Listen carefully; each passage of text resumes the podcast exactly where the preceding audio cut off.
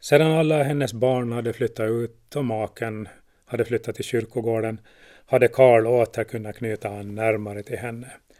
Och det var inte utan att värmen dem emellan hade vuxit till sig sedan ungdomen, då de bägge varit hetsiga och snarstuckna. Mimmi måste börja närma sig 60. Han fick inte glömma att ta reda på korrekt datum för detta och se till att uppvakta henne. Åldersstrecket neråt var för Karl mera distinkt. Hans näsa vägledde honom om när flickorna kunde börja uppvaktas som kvinnor. Det var just vid inträdet i den komplicerade, fruktsamma åldern.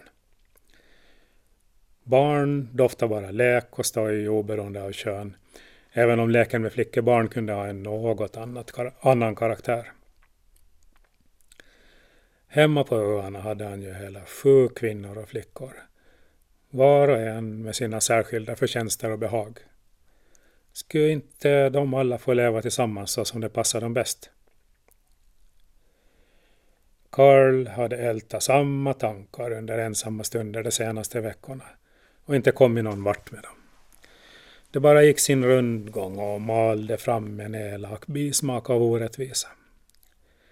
Han hade erövrat både en position i sitt nya samhälle och kvinnornas gunst och för det riskerar han bli straffad med skam och utstötning. Han blev kränkt och fråntagen sin rätt till framgång och glansfullt liv. Någon suput var han inte i egentlig mening. Flydde just inte in i rus och drack sig sällan bort från vett och sans. Men han tog sig ibland en tår för att eh, rensa bort ovidkommande grums som störde tankens klarhet. Tog hjälp med att hitta sin rätta kurs, ungefär som han nyttjar kompassen i dimma och med lika gott resultat. En eller ett par supar förmådde lyfta fram det väsentliga och rätta medan onödigt tjafs återfick sina obetydliga proportioner. Läget var sen inte så svårtolkat och vägen låg öppen och klar. I höjd med kobbaklintar hade han hunnit sanera tankarna med Riga balsam så pass att de började få ett mera ostört flöde. Han var ju faktiskt Karl Friman. Inte behövde han bekymra sig om de små människornas små tankar och lagar i deras små samhällen. Han och hans kvinnor hade rätt till sin lycka och sina barn. Mycket svårare än så var det egentligen inte. Lika naturligt som att strömmingen simmar in från havet om våren och att ådorna häckar bland strandenarna. Ovanför ådorna svävar sedan örnen Karl Friman på uppvindar. Först av allt skulle han besöka Alina. Han ville se hur hennes lilla mage började rundas och han ville ge henne sitt stöd så att hon slapp våndas inför att bli en ung moder. Andra skulle inte få slå i henne några griller som kunde grumla hennes moderskapslycka. Den lilla tösabiten skulle få sig en jättekram och sen skulle hon få den nya klänningen från Räval med en underbar blå lyster som skulle fördjupa hennes egna ögons glans. Ursprungligen hade han eh, tänkt ge just den åt Ida, men Ida skulle nog förstå att dottern i detta läge behövde en uppmuntran. Ida skulle nog låta tala med sig, bara hon fick se Alinas lycka och förtröstan. Hon var ju faktiskt flickans mor, som skulle nog inte ha svårt att uppskatta hennes lycka. Gamla kloka Manda skulle väl sen inte bli så svår att komma till rätta med, bara hon fått se att såväl mor som dotter på grannön var tillfreds. Han såg trion lite som mormor, mor och dotter och det bidrog ytterligare till att göra det hela hanterligt. Kanske skulle han rent av lyckas manövrera sig till en ostörd stund med dottern redan ikväll, bara eventuella oroligheter hade hunnit stillna. Hon eh, kunde väl inte ha blivit så tjock ännu. Friman färdades gärna ensam på sina olika ärenden till sjöss och tog istället tillfällena i akt till umgängesliv i de olika hamnar han besökte och då en helt egen kajuta kunde vara av värde. Därför var segelsumpen Jönita utrustad med en del arrangemang för ensamsegling. såsom hackbräda, självslående fock och en klyvare som löpte på ett block längs bogspröte för att ge möjlighet att balansera segelföringen. Efter Nyhamn satte han rorkulten i hackbräde, justerade in klyvaren för självstyrning och började göra sig redo för hemkomsten. Rakkniven och spegeln kom fram. En kryddad spritblandning från Reval gneds in i kinder och nacke. Byxor och skjorta plockades upp från sin pressning under fällarna i hans koj. Guttaperkakragen kom på plats och fick en blå slips omkring sig. Så putsade han stövelskaften, skar naglarna i lämplig längd och petade dem rena med knivsudden. Innan han friskade upp andedräkten med Riga balsam och placerade spegeln på distans för att överblicka helheten. Det var ingen dålig dubbeltorpare som blickade tillbaka från den inramade spegel, vilken minsann inte heller var någon ordinär prydnad i en torparbåt. Möjligen kunde någon ståtlig djupsjöskeppare beskåda sin bild i något liknande tingest innan han landsteg i London, New York eller Rio de Janeiro. Frågan var bara om skepparens bild i spegeln mäkta matcha denna. Ovanför klockkedjan och bisambrämet kunde han se en karaktärsfast haka. En bestämd men vänlig mun, smal och skarpskuren näsa och en hög, välvd panna.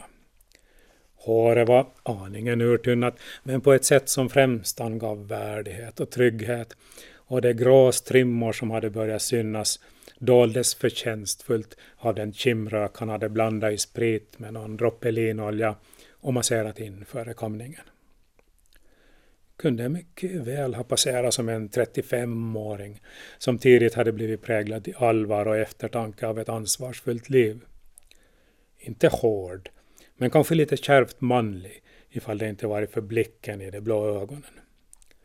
Vemodigt fjärrskådande, men med ett svagt blänk av varm humor längst inne.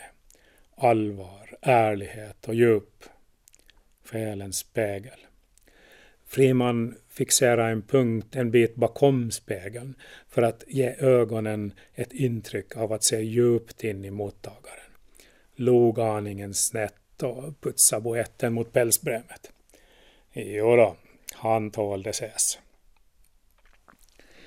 Juanita gunga för halvvind över dyningen mot de små öarna i nordväst medan dubbeltorparen höll sig i kajutan för att inte rufsa till sin gestalt i vind och saltstänk. Han läppjade på Riga balsam och oroades allt mindre inför hemkomsten. En sådan man skulle nog kunna tala några oroliga kvinnor till rätta. Det skulle bli en glädje att träffa dem igen och särskilt den unga blomstrande Alina. Deras presenter låg redo på babordskojen med Alinas klänning inslagen i gult papper med rött band. Hon skulle inte behöva vänta länge. Han beslöt att angöra bogfärd först och ge den lilla dunungen en riktig hemkomstkram. Det här skulle nog gå fint.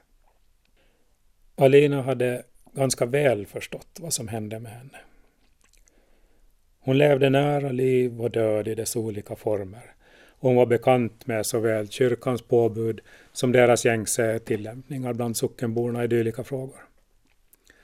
Varken födslar eller dödsfall var henne just mera främmande än alla de fördömanden som hederligt folk uttalar över synliga övertramp av synliga eller osynliga regler.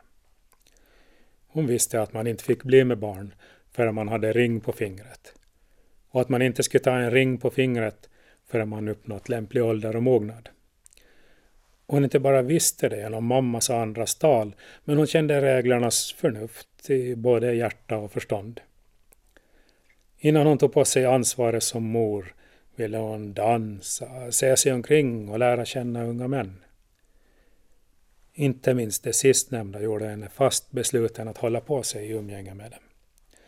Hon kände tidigt stark dragning till de unga männens locktoner och förstod att den som gav efter snart skulle vara avstängd från deras ljuva förförelse. Men farbror Kalle hade inte varit någon ung man. Han var ju nästan som en pappa. Och han hade ju alltid lekt och kälat med henne. Sen var det ju naturligt att kärlek kom att äldra karaktär med åren. Hon var ju inte längre något barn som man kröp på golvet med eller vaggade till sömns.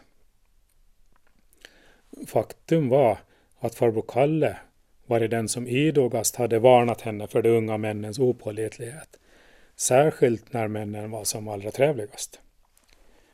Du skulle bara veta vad de egentligen vill göra med dig när de talar om hur vackert hår och vilka vackra ögon du har.